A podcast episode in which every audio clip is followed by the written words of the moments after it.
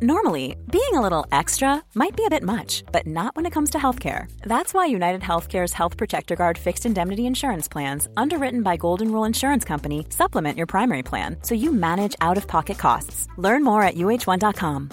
Botox Cosmetic, out of botulinum toxin A, FDA approved for over 20 years. So, talk to your specialist to see if Botox Cosmetic is right for you. For full prescribing information, including boxed warning, visit BotoxCosmetic.com or call 877-351-0300. Remember to ask for Botox Cosmetic by name. To see for yourself and learn more, visit BotoxCosmetic.com. That's BotoxCosmetic.com.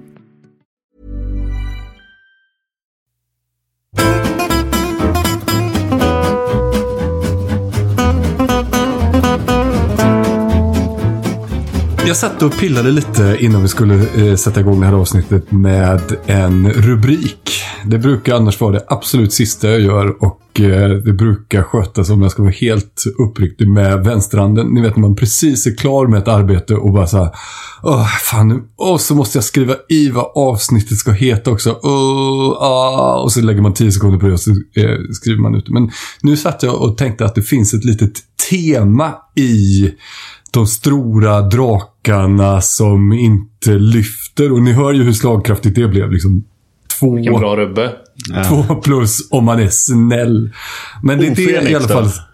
Mm, kanske. Men det vi ska prata om är i alla fall framförallt två eh, lag.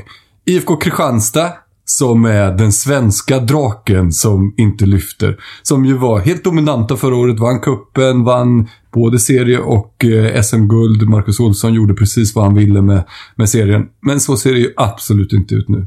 Den andra, det är ju en klubb vi hämtar ifrån Bundesliga. Och kan inte ni som kan tyska säga vad de heter? Eh, zebrorna från eh, Östersjöhallen. Och THV. Ja, men jag vill ha, jag vill ha zebrorna från Östersjöhallen på tyska.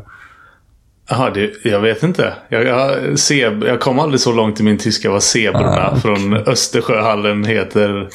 Ah, nej, nej, men då, då, då faller det ännu sämre än rubriken. Men eh, Kiel då kan, det vara, kan det vara dis... Kan, är, zebra måste väl vara zebra? Eller? Det tror jag. Jag tror inte att det är... Ja. Alltså, Kanske jag- jag Die aldrig- Zebras De, det det är zebras am- aus der Osterhalle då kanske? Ja. Eller? Ostseehalle. Ostseehalle. Ja. Ja. Där har vi det. Vad bra. Snyggt. Eh, jo, men svenskbekantingarna i THV Kiel får ju inte till det.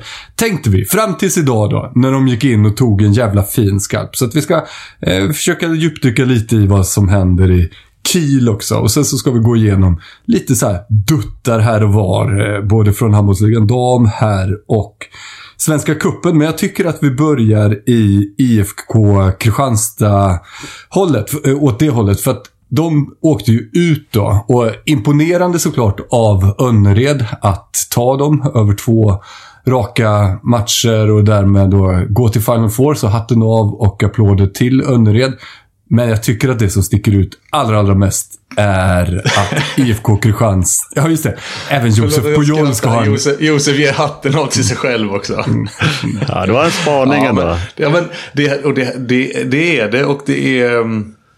Det är så härligt att vissa saker aldrig förändras. Att det är liksom så här, du, om du bara hade väntat fem sekunder så hade någon av oss gett dig det credit. Men det har liksom, du, hin- man hinner aldrig innan du själv kommer Så- in och bara “Jag sa det!” Ja. Så ängslig att ingen ska komma minnas att jag sa det för en vecka Min- sedan eller vad det var. Men bra Det är också så himla mycket snyggare om någon annan säger det, Josef. Att det är Ja, nästan hela ni- skillnaden. Ja, jag vet. Men jag tycker att ni inte ger mig den cred jag ibland förtjänar. Nej, vi hinner aldrig. Nej, men det har du helt rätt i. Precis som du förutspådde, Josef, så gick Önnered in och- och nöp den här, det här dubbelmötet emot Kristianstad. Så om vi börjar i det här Kristianstad då. Vad är det som de inte gör den här säsongen som de gjorde förra säsongen? Alltså, ska du ha ett kort svar så är det ju att de spelar ju inte försvar. Eh, och eh, det är ju försvar som vinner mästerskap, va? Ja, just det. Jag borde lagt till varför, känner jag. Redan nu. Mm, precis. Så nu kan vi gå vidare. Nej, men det är... ehm, jag tycker att de har stora problem bakåt. Och idag, eller idag var det inte, men när de spelade...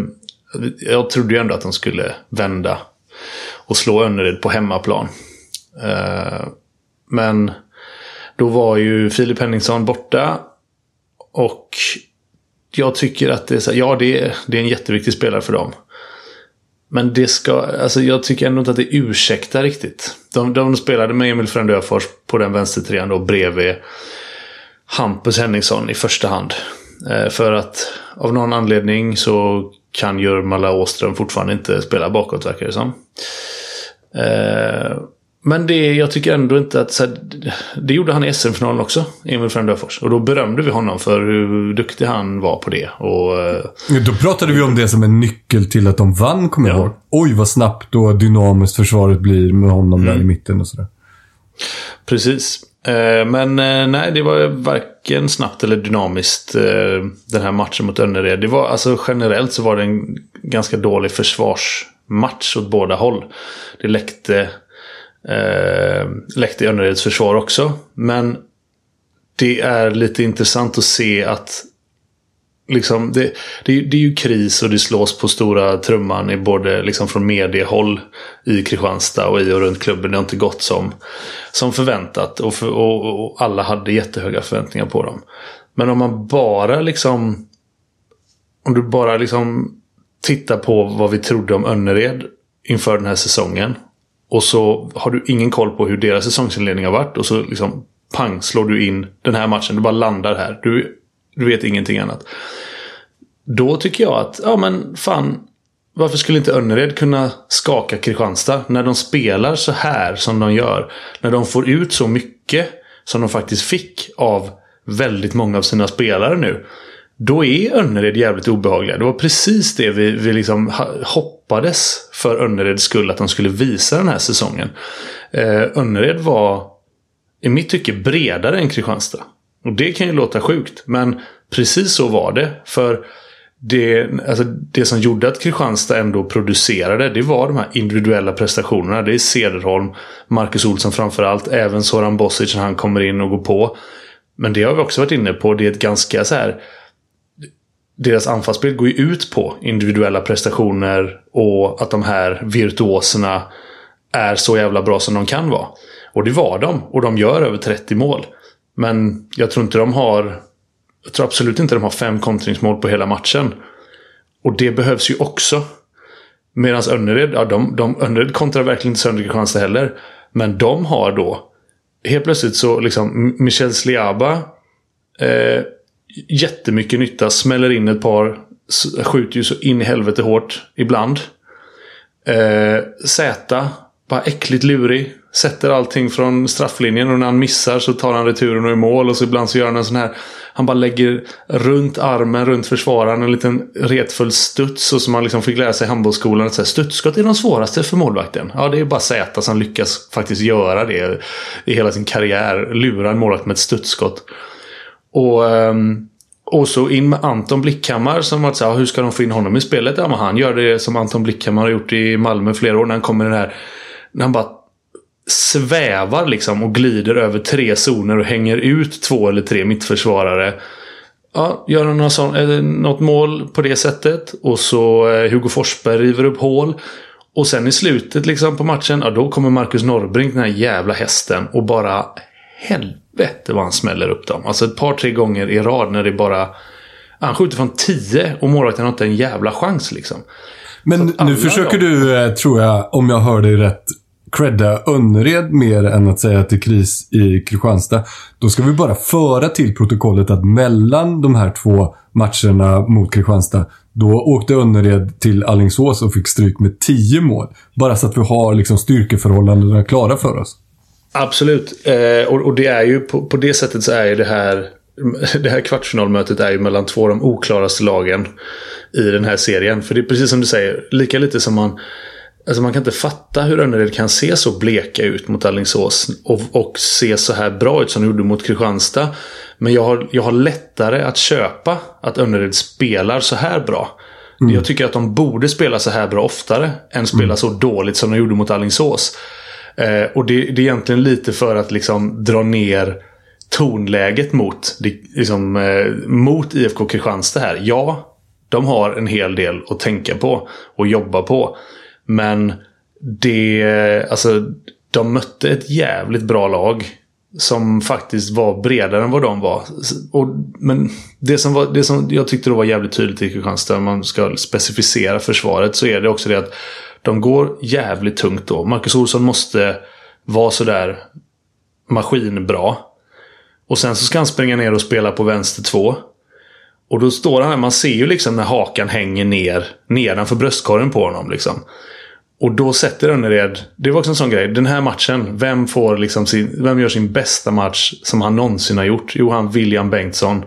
Som är från Kristianstad från början, gått via Karlskrona, värvat till Önnered.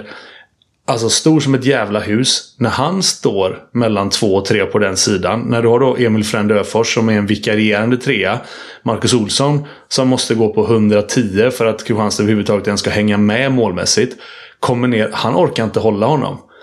Och så sätter de honom på 2-3 på andra sidan. Där Hampus Henningsson känner Helvete, jag måste ta ansvaret här nu. Så han är ute och varenda jävla skytt som kommer nära 9 meterslinjen så är Hampus Henningsson ute och ska smälla på. Kvar står då antingen Anton Hallbäck eller eh, Andreas Cederholm. Som är liksom 1,88 jämfört med William Bengtsson som är lätt. Eh, han, han måste ju vara två meter. Och har säkert 20 kilo plus på båda de gubbarna. Han gjorde, jag tror han gjorde åtta mål och fick någon straff med sig. Liksom. Så att det var en perfekt match för honom. Och Önnered hittade honom gång efter annan. Och så liksom tvingade de ner Kristianstad att reagera på det och då sköt de sönder dem. Så det var liksom så här. Det var en perfekt storm på det sättet att Kristianstad fick inte ordning på försvaret. Därmed fick de inga kontringar. Då var, de, då var Ceder och Marcus Olsson tvungna att ta, liksom, ge mer än vad de egentligen orkar. Och då orkar de inte försvaret. Och så bara börjar de igen, igen, igen. Så att, eh, jag tycker inte att det var så här. Jag tycker inte Kristianstad ser så jävla pissdåliga ut. Som, eh, som snacket går nu. Om att vad är det för fel på dem? Vad är det, det, är, det är kris. Ja, det, det, är nog lite kris. Men eh, det är framförallt försvaret som, eh, som inte håller den klassen som gjorde förra året. Eh, jag tycker det, det var ju ett par veckor sedan där vi kände att vi, vi pratade om Önnered i var och varannat avsnitt och så kände vi att vi själva nästan inte ville prata om Önnered. Men så att hände det ju så sjuka grejer så vi var tvungna. Nu när vi ändå ska prata om Kristianstad så pratar vi ändå om Önnered. Alltså de hittar bara sätt att nästra sig in i den här podden. Men, men eh, ja. absolut. Men jag, jag, såg ju inte den här matchen, men tänkte bara ta vid det lite där du började kring försvarsspelet. Det här med, eh, för känslan var, alltså Hampus Henningsson fick ju sitt kontrakt förlängt ganska sent. Känslan var att de var lite i valet och kvalet om de skulle förlänga med honom eller inte. Då var de säkert medvetna om eh, det ekonomiska resultat som de ju då gjorde förra året. Men eh, känslan var också i början av säsongen att då fick inte han spela speciellt mycket. Nu vet inte jag om det var någon skada eller så, utan, men då försökte de aktivt spela in Jurmala i försvaret. Eh, uppenbarligen så har de gått ifrån den idén nu. Eh, sådär. Men, men det är klart att det är märkligt att det bästa försvaret, eh, som det säkert var förra året utan att ha statistiken, men ett av dem i alla fall, eh, kan, att det kan byta skepnad så mycket Trots då att mm. de egentligen har fått in är, samma ja. spelare plus då eh, en, alltså Viktor Klöver kan ju spela försvar också. Nu var han sjuk i den här matchen mot eh, Kristianstad. Mm. Tanken var att han skulle spela på den där trean, eller förlåt, mot Önnered. Eh, men eh, också intressant, jag kollade lite målvaktsstatistik för att jag hade känslan av att, så här, för det är ju apropå så här, vad, vad är nytt för i år? Ja, men Espen Christensen, han är ju inte där längre. Den, eh, som ju ändå var ligans kanske bästa målvakt. Till stundom i alla fall. Simon Möller eh, emot och Kraft emot och sådär. Men till stundom. Eh, och det, men jag hade ändå känslan av att ja, Banke har ändå varit jävligt bra. Och eh, då ligger han nu på 37 procent. Vilket man ju mm. får säga är väldigt fina, väldigt fina siffror. Eh, det enda som var intressant i det sammanhanget var att eh, han och Bank Bang, Victor Bang har stått eh, nästan exakt lika mycket. Och, men att Victor Bang då, han ligger på 27 procent. Så det är intressant den dynamiken däremellan. Liksom, att inte Banke är mer tydlig uttalad första målvakt när det ändå skiljer 10 procent. Liksom. Jag, jag, kan förstå ingången i säsongen. att mm. ja, Med två uh, unga målvakter i samma ålder och sådär. Det, behöver, behöver, kan, det kan utkristallisera sig. Men känslan är att det borde ha gjort det nu.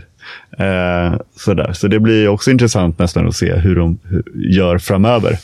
Eh, Men på tal om framöver bara. Vi ska väl redovisa ja. det att Kristianstad själva har gått ut med, eller om det var Rutte på Kristianstadsbladet som ryckte loss det, men att de ska banta spelartruppen med 3 miljoner kronor till nästa säsong. Det vill säga ett par av de stora kontrakten som står och borde förlängas nu kommer inte göra det. Och det som ska ersätta det kommer vara mycket billigare spelare.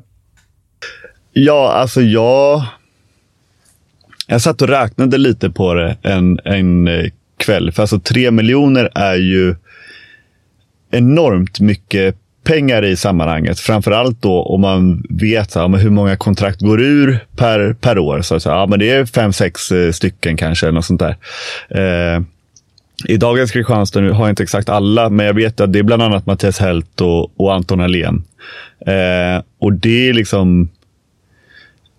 Att sänka sin spelarbudget med 3 miljoner utan att mm. ta farväl av de två är i princip... Alltså de, för de två, Helt tjänar tror jag bäst i, i, i hela laget. Eh, ihop med, med Cederholm. Så att jag menar, det, det känns, det, det vet vi nu nästan. Alltså det, det kan omöjligt te sig på något annat sätt än att mm. de försvinner. Eh, och lägg där till att för att även om de tjänar bra så är det inga tre miljoner på de två tillsammans. Alltså det är eh, fyra, fem spelare mm. av de högsta lönerna som behöver ja, men, Och i så fall pratar du också att de försvinner och inte ersätts av någon. Precis, precis. Eh, så att det är, alltså så här, typ om, jag, om någon skulle med pistol mot tinningen tippa nästa års handbollsliga, då är det fan snudd på att man liksom eh, sätter Kristianstad i kval neråt bara för att man vet att den storstädningen de måste göra på grund av att tre miljoner är så enormt mycket pengar. Alltså det kan bli, det kan bli ett helt annat Kristianstad, känns det som. Mm. Eh, mm. Även om man vet såklart, Viktor Klöve, han är där på lån. Så den försvinner ju automatiskt, för det kommer inte komma in, in någon ny där. Liksom. Och, ja, så det ska bli enormt intressant eh, vad det blir av det. Och även då vad det gör med liksom, truppen och, och liksom lagmoralen eller kalla det vad du vill. Liksom. Men, men stämningen i omklädningsrummet, oavsett om de inte hade haft fem raka torsk.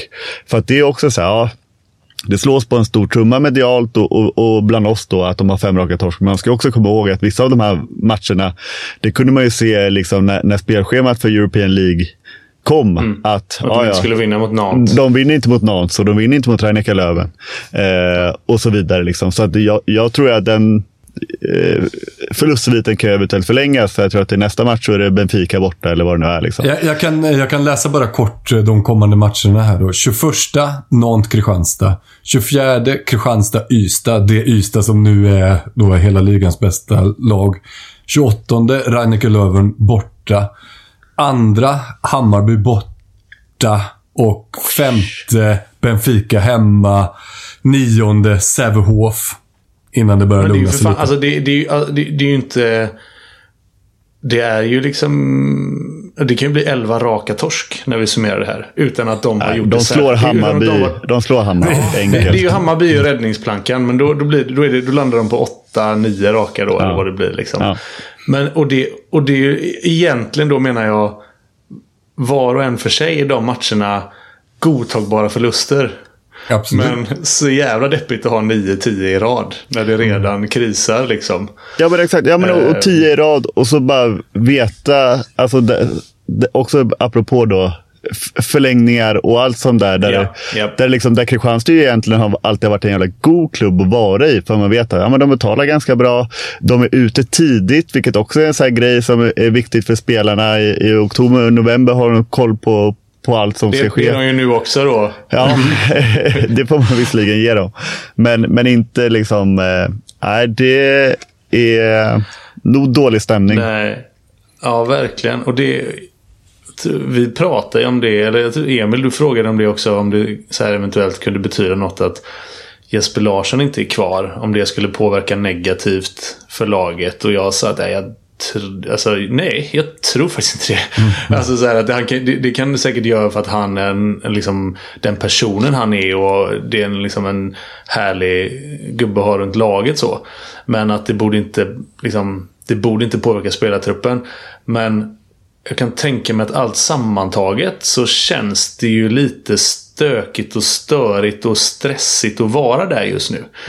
Eh, alltså precis som du säger, du, liksom, du, du vet att det kommer det här sparkravet och då, ja, även om du är, en, du är proffs och du ska försöka hantera det och det, liksom, ja, det, det är efter säsongen så påverkar det dig. Det stör lite grann. Eh, och, och, som, du kan säga, ja men fan, och Jeppe är inte kvar. Ja, det stör lite grann. Och så, eh, fan, och så har vi lite skador här. Ja, men det stör lite grann. Och så, alltså så här, det verkar inte vara den här...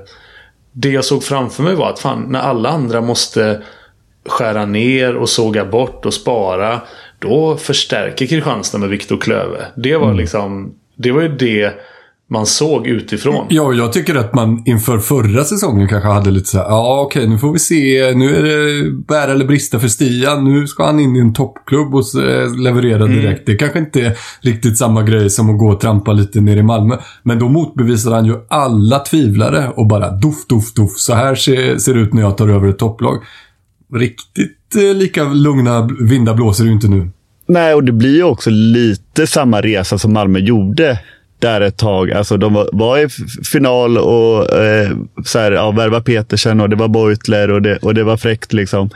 Och sen så var ju de också då tvungna att eh, ja, kapa ner och det eh, värvades ja, i den lokala eh, regionen mer ungt och, och sådär. Och till slut då så lämnade ju Stian det.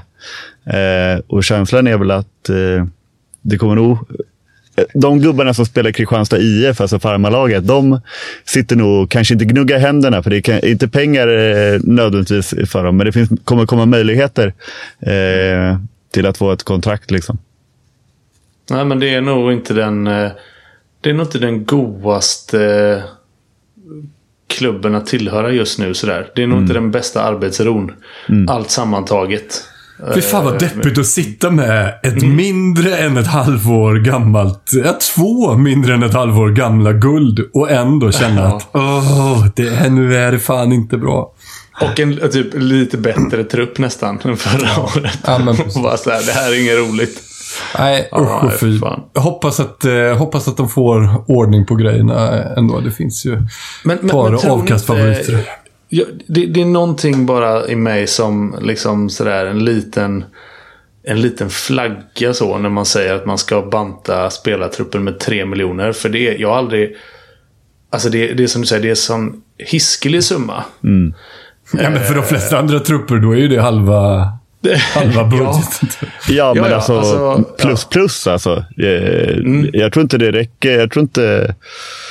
Ja, Hammarby, eller liksom, ska inte spela på den, den eh, fiolen, men, eh, men Aranäs eller eh, liksom, jag tror att det är ganska många klubbar som inte var det ganska, en bra bit över 50 50 procent. Ja, ja.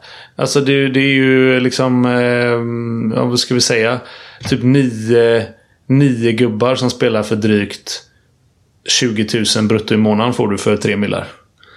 Alltså det, det är det är, liksom, och det är en okej handbollsligalön. Alltså sådär. Så att eh, det, det, ja, det, det är mycket är det att banta. Och jag, jag blir lite så här. Jag tror the struggle is real.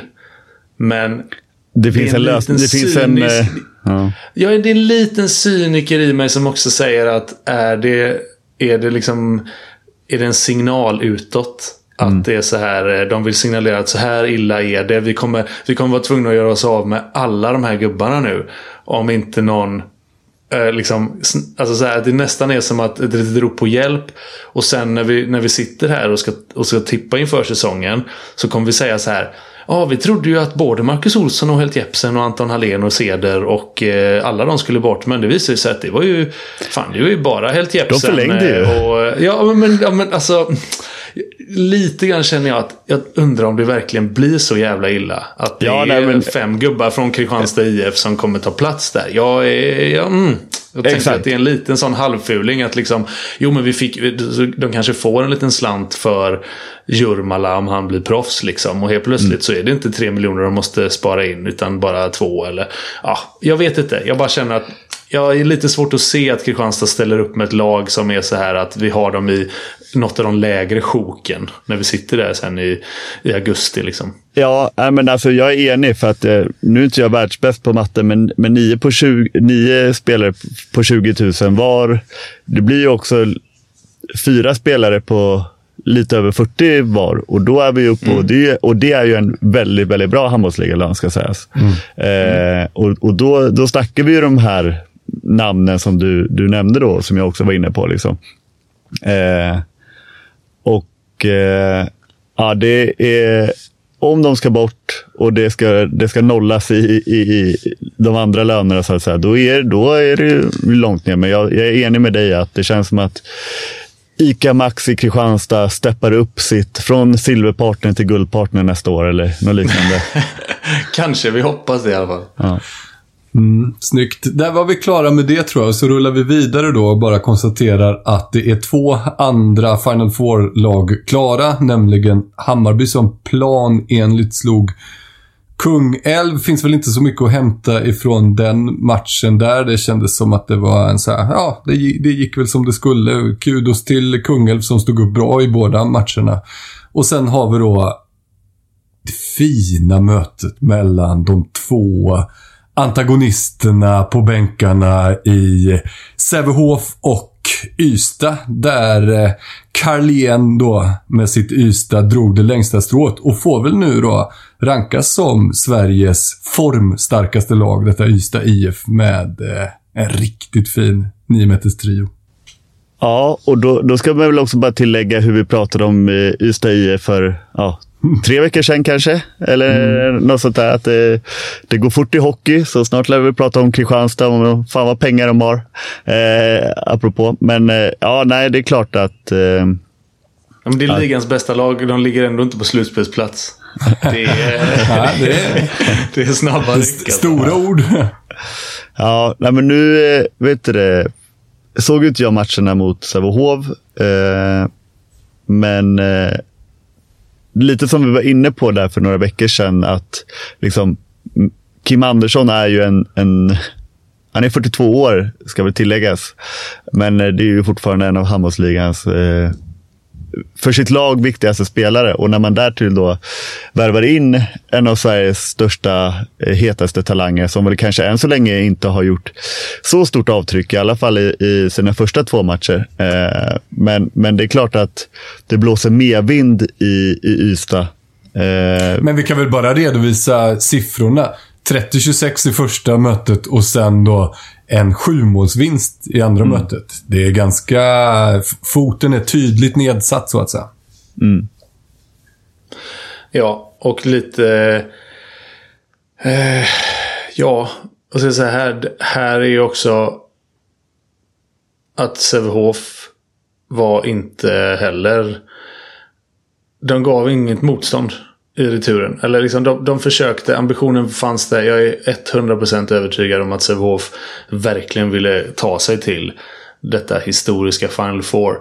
Men det var lite, lite samma analys som liksom på Kristianstad den här säsongen. Att, och då, då pratar vi ändå om de som faktiskt ligger etta i tabellen, Sävehof.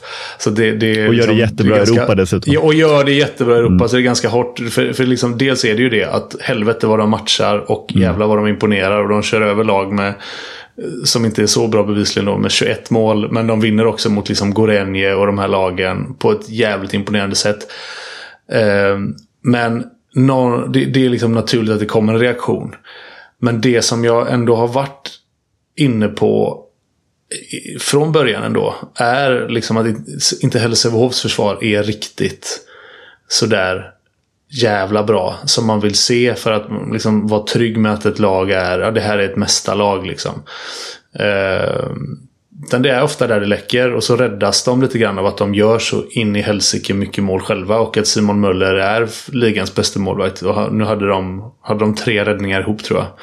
Möller och Sävinger. Då är det inte heller lätt att vinna liksom, mot ett Ystad som är verkligen på väg uppåt. Så att det var, eh, jag tyckte det såg lite tröttkört ut. Eh, William Andersson Moberg fick gå själv eh, väldigt mycket där. Orkade inte riktigt det. Och sådär. Så att det var... Um, nej, när Ystad väl liksom... När Ystad väl drog ifrån lite i andra halvlek. Sävehof närmade sig, fick... Kunde fått in en kvitteringsboll, fick inte det. Och då var det som att, nej fan, nu, nu liksom, då brast linan på något sätt. Så att det var det fanns inte riktigt geisten i, i Sävehof för att lösa det. Då är, de, är, de har varvat upp nu Ystad liksom. De är, de är nog uppumpade av självförtroende. Mm. Gott så. Och med de orden rullar vi vidare från kuppen. Vi kan ju också bara konstatera att det ska till en jävla skräll om Aranäs ska vända på det här.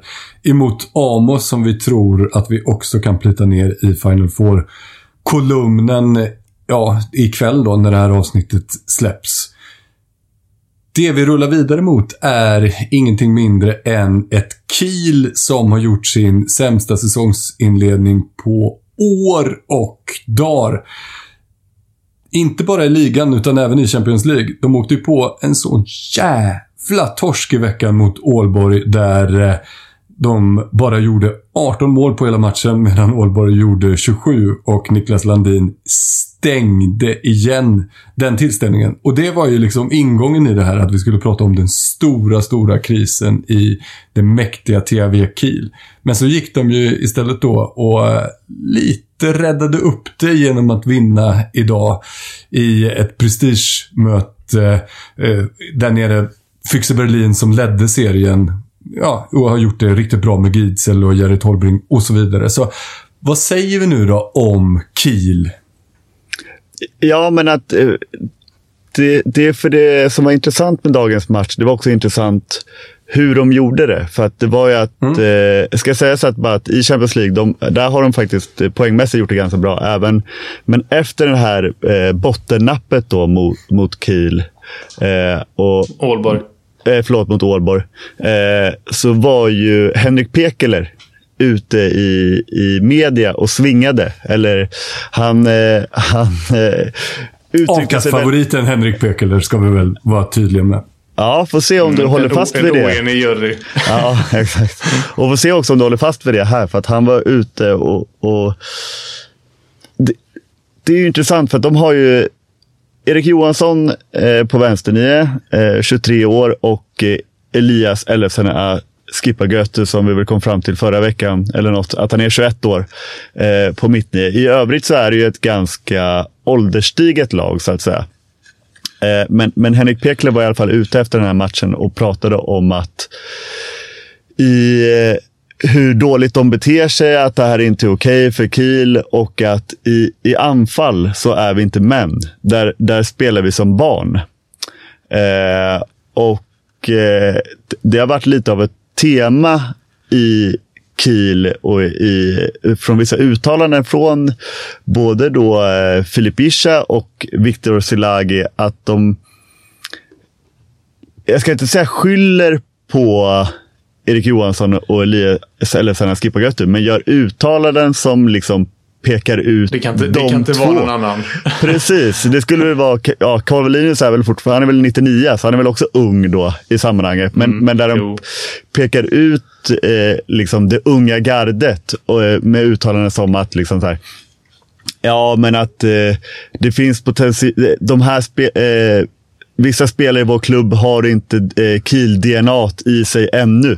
Och då är det ju inte Reinkid han syftar på, som jag varit där nu i sju år, eller Do Dovniak, som, eller Byllyk och de här. Utan det har varit må ganska många sådana liksom, riktade, men ändå anonyma uttalanden. Eh, och eh, idag då, när de mötte eh, Berlin, då fick ju helt plötsligt lite från ingenstans de senaste ja, jag vet inte, fyra, fem åren har ju inte Doniak spelat mycket, mycket anfall. Utan han har stått på en center eh, i försvar och, och sett trött ut. Liksom. Men idag hade han ju då 9 på 14. Medan eh.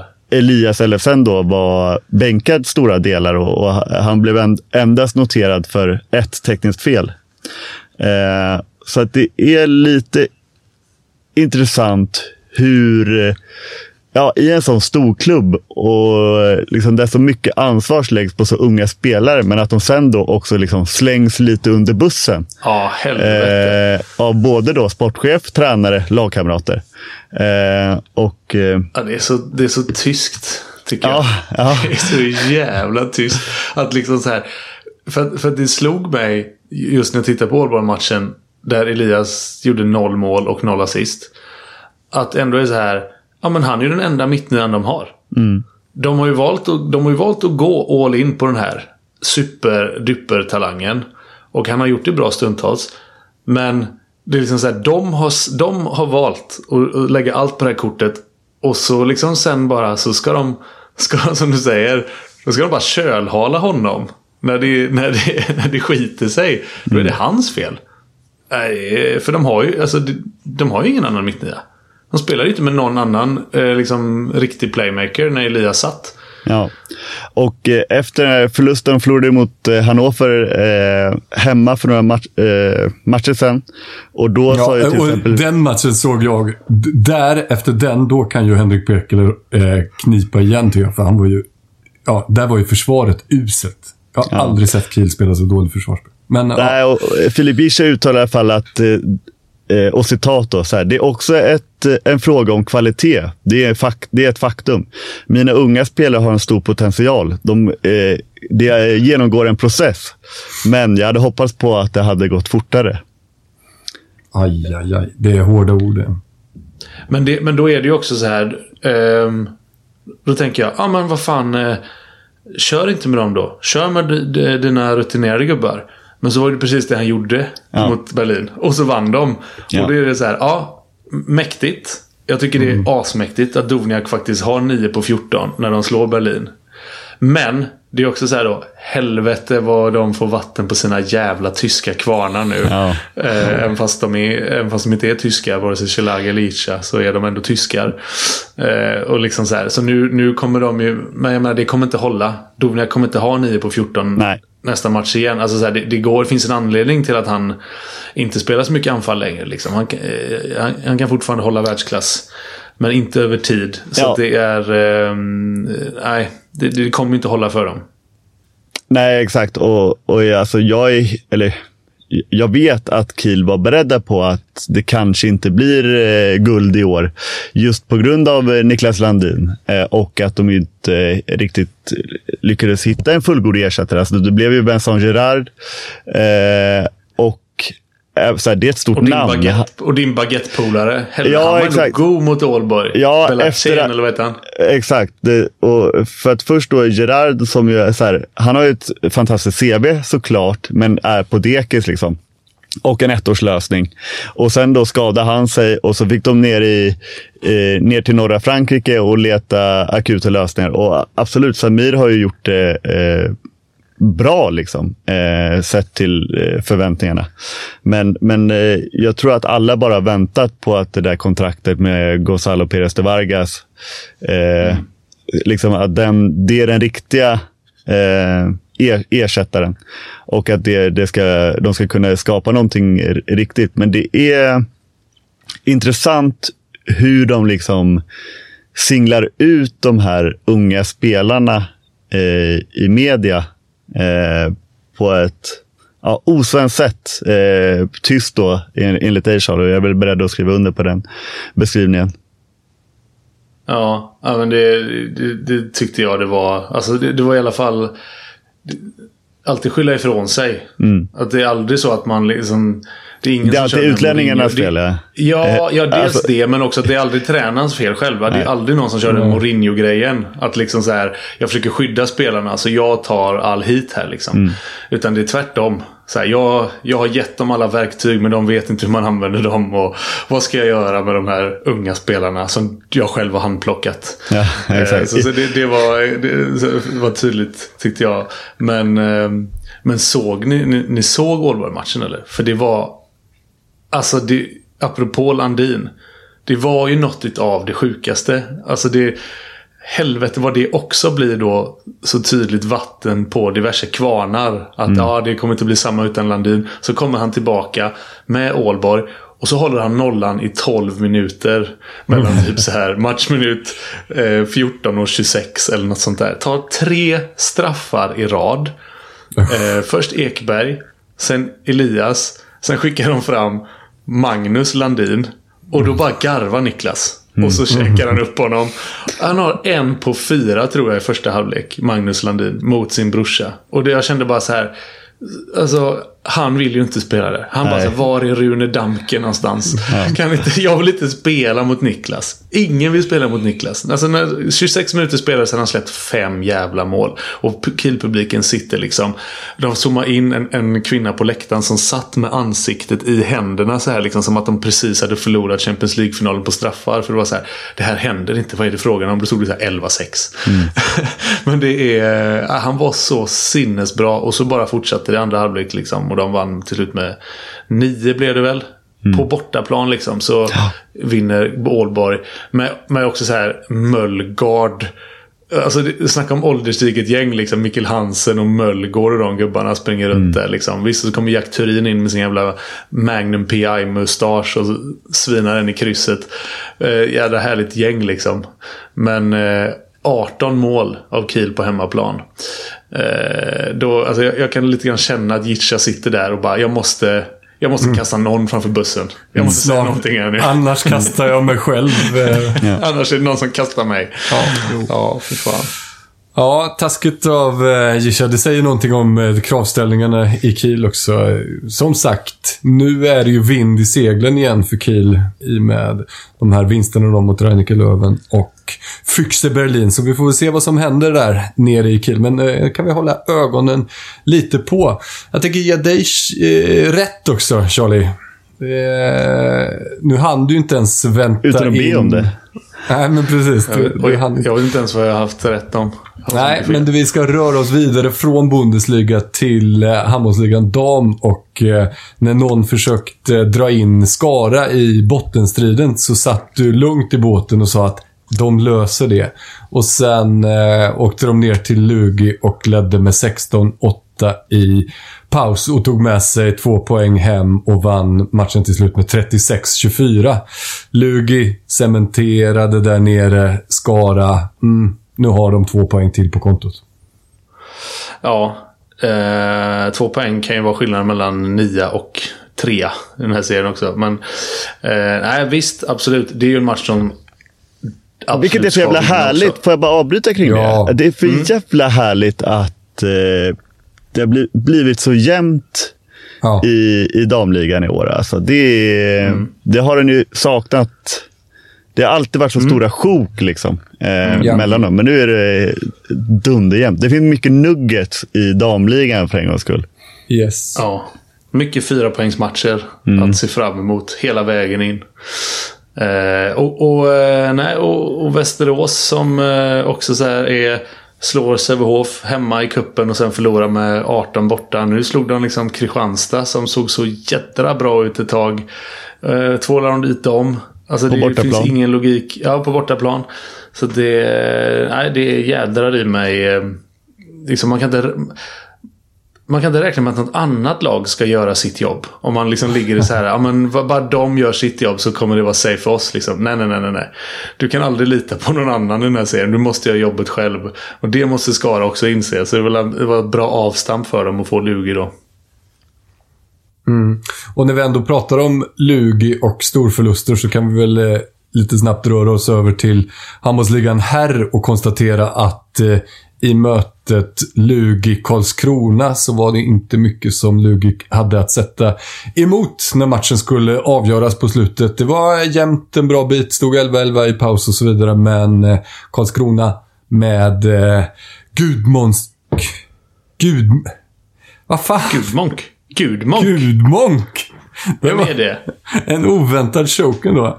Med Olafur Gudmundsson i spetsen. Plockade med sig poängen med eh, en 29-19 vinst. Ganska Åh tufft jävlar vad de chokar där. Ja, jag tror Henrik. Pekeler hade inte varit eh, nådig i sina uttalanden om Lugis anfallsspel i, i andra halvlek. Eh, faktiskt. Det Spelar de var... som pojkar eller?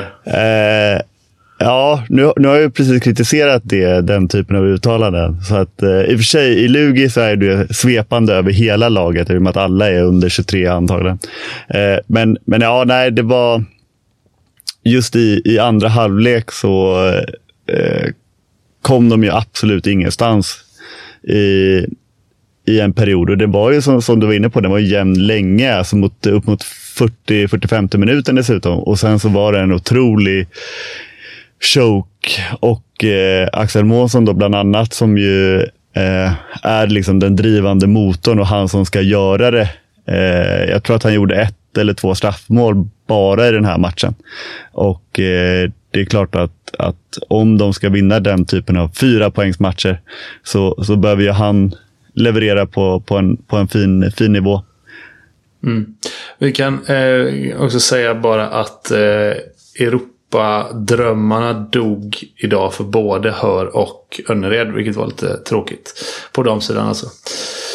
Eh, för Hör som hade, jag tror de torskade första mot eh, Storhammar med, om det var sju eller något sånt där. Så det var en ganska tuff uppgift och det gick inte alls. Eh, fick stryk klart idag också och Önnered förlorade hemma med två. Men hemma var väl borta va? De eh, tror att de sålde sin, eh, ah, sina match, sin match Såklart. och spelade bägge nere i Rumänien. Så att jag tror inte de rumänskorna då Nej, var, var helt stämma. eh, stressade inför det, det mötet. Vilket ju såklart var tråkigt att de valde att göra så, men det finns säkert, säkert goda beslut bakom det. Ja, men precis. Eh, Så det var nog, ja, det var nog fan att de torskade första med fyra. eller något sånt där. Ja. Förlorade med tre idag i alla fall. Och därmed är de också ute. Eh, Så det, det var det. Jag satt annars och eh, slökollade lite på Esbjerg ikast i Champions League. Det är ju liksom det är liga ettan mot liga tvåan i, i danska damligan där. Men tydligt övertag för Esbjerg så här långt den här säsongen. Jag tror de har mötts par, tre gånger och Esbjerg har vunnit samtliga. Och helvete vad, vad mycket bra norskor det finns. vill jag ta med mig. Kan rapportera att eh, Irma Schött stod eh, typ hela matchen för ikast. Hade ingen jätterolig dag på jobbet. Och Emma Lindqvist med två baljer. Men jävlar alltså, Esbjerg. Fan hon, eh, nu har jag glömt vad hon heter också, hon vänster, vänsternian. Breistöl. Helvete vilken häst alltså. Och så Nora Mörk på högernio där. Ja, det smäller bra. Om du möter Team Esbjerg. Bra tryck i buggarna som någon uttryckte det. Ja, och har värvat Elin Hansson också till eh, nästa år. Jag vet inte om det är Thomas. Axners eh, värvning, men eh, hon ska i alla fall dit. Och Emma, Emma Lindqvist har ju förlängt eh, Men i, ikast? ja, långt Ja. eh, med, eh, med Icast. Eh, Jag kommer inte ihåg om det var 27 eller 28. Okej, eh, har vi något mer eller? Ja. ja men för vi, vi pratade lite om eh, Önnered såklart, som vi alltid gör, och deras förlust mot Alingsås. Det var länge sedan nu. Ja, precis. Men, men eh, jag såg eh, den här matchen och eh, blev jäkla imponerad av eh, Alingsås faktiskt. Alltså det var eh, Alingsås 2009 all over again i princip. Alltså att det, det, jag vet inte riktigt vad de hade sagt till varandra inför den här matchen eller varför de hade sånt helt annat uttryck än vad jag tyckte de hade till exempel när vi mötte dem i, i Eriksdalshallen. Men det var liksom, det tuggades fradga, 14 gubbar, eller ja, 16 är man väl nu till och med, 16 gubbar som, som tuggade fradga från minut 1 till, till minut 60. Och när de fick till den eh, energin eh, i sitt försvarsspel och bara bölja framåt i, i kontring första och andra fas, som ju Alingsås alltid har gjort, då är de eh, jäkligt eh, svårslagna alltså. Så att det, det var eh, ja, en nygammal sida av eh, Alingsås. I alla fall ny för den här upplagan av dem. För jag tycker att det, det har saknats. För att jag menar, om man ska se liksom det är klart, de har väldigt skickliga, många skickliga spelare, men så här, de är inte det typen av lag som spelar ut ett lag taktiskt kanske, med, med schackdrag. Utan de behöver ju den här typen av energi som de eh, lyckades få i den, i den här matchen. Så att det blir jäkligt spännande att se om de kan fortsätta på, på den vägen. För, kan de, för det är ju december snart och det är ju inte bara eh, månaden för eh, den vidre högtiden som ju är jul, utan också en eh, månad där det ska spelas en jävla massa handbollsligamatcher. Eh, och här kan man liksom, eh, eh, tabellförändringar kan ske. Och eh, nu har ju Alingsås eh, fullt lag igen sedan några matcher tillbaka och kan de liksom samla ihop den här energin, som sagt, och eh, då kommer de bli jäkligt intressant att följa nu i, i november, december. Jag kom på, eh, när vi ställer frågor om eh, vad vi ska prata om, som vi har gjort två gånger på Instagram, då är det båda gångerna någon som har frågat om eh, Malmö och det känns som att de flyger lite under radarn. De ligger väl typ trea eller så. Mm. Nu har jag inte tabellen framför mig.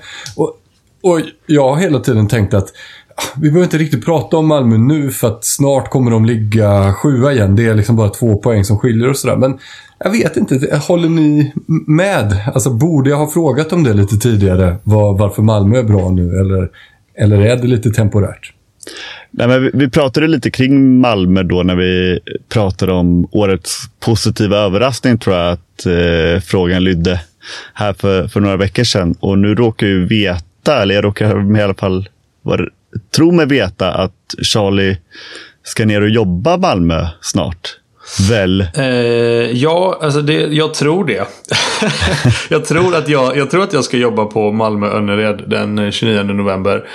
Eh, jag tror det. Men, men eh, oavsett så vill jag minnas att dels nu så har det ju varit lite så. Dels varit landslagsuppehåll och så har det varit de här cup grejerna som gjort att det inte varit så tätt matchande.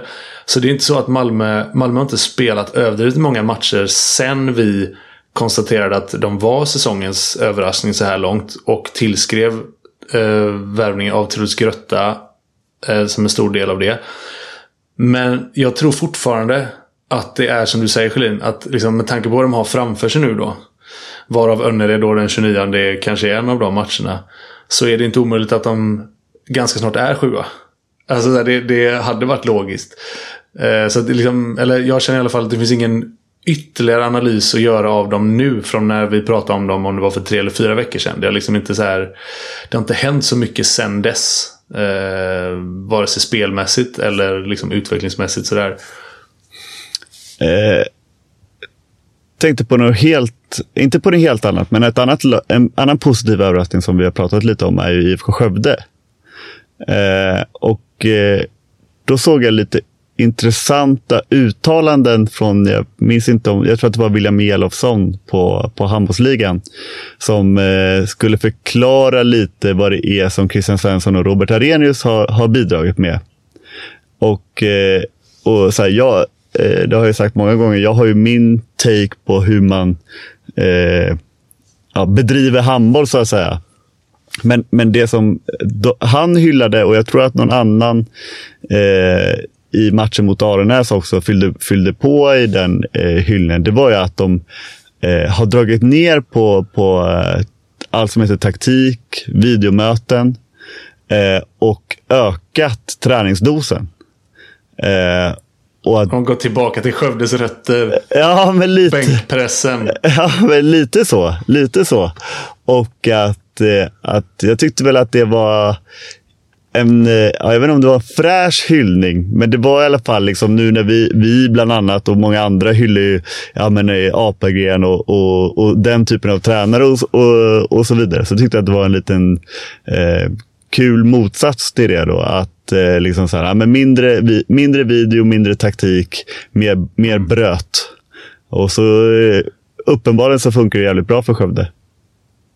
Jag tänker att det är så här, min spontana reaktion på det är två saker. Det ena är att det kan nog vara det kan nog vara liksom att kontrasten är god. Om man har haft en eh, tränare som är oerhört duktig och nitisk på det. Jag pratade med Rickard Hanisch om det eh, senast när han var och spelade mot, Guif, eller med Guif mot Sävehof.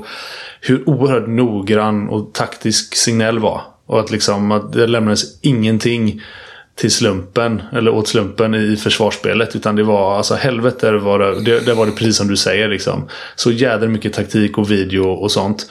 Och om du då har haft det över tid så kanske du tycker det är rätt gött att släppa det liksom. Även fast du, så här, det kan vara svinbra och de har tagit sig till ett par, tre SM-finaler på, på kort tid liksom. Eh, så kan det kanske kännas befriande att liksom inte ha de långa videoshoken och så kan du få en positiv effekt bara på det. Och det andra jag tänker är att man ska nog fan hålla sig till det man känner att man är bra på. Och om liksom så här, jag tror inte att Christian Svensson eller Robert Arrhenius kan slå Henrik Signell på fingrarna i videoanalys och genomgång. Men de kanske är ja fan, det här är vi trygga i. Vi tror lite mer på det här och, jag har lyft mycket bänkpress säger Robert Arrhenius. Så det tror Ja, jag men på. han har ju sig, han, jag har också för mig att han drog av bröstmuskeln under ett bänkpresspass. Så mycket bänk. Ja, men det kanske också kört, talar liksom. för att han, fan, han kanske inte är så vass på den då. Alltså, en riktig jävel hade ju, de- dens bröstmuskler hade ju hållit. Men framförallt är det ju kul. Man vill ju att det ska finnas lite olika ideologier. Man vill ju kunna se på lagen att säga, men här kommer Sävehof, här kommer Skövde, här kommer Kristianstad, här kommer eh, Lugi eller så. Börjar alla lag se likadana ut och spela på ungefär samma sätt, då blir det ju ganska så mycket tråkigare än hur det är nu. Så jag, allt sånt som får lagen att gå tillbaka till sitt egna ID uppskattar jag. På tal om eget ID. Vem har ett av Sveriges mest unika röst-IDn? Jag vet vem det är. Mm. Det är Kjelle H. Ja, det är Kjell Höglund. Här kommer han med sin, det, alltså. sin hit eh, Genesarets sjö. Tack för att ni lyssnade. Ja, ja tack ska ni ha. Rötterna blir starka när det blåser Luften blir friskare när åskan går Det blåser på Genesarets sjö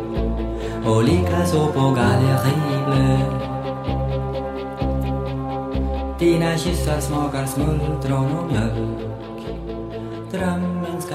om ett annat liv Låt ditt hjärta slå extra slag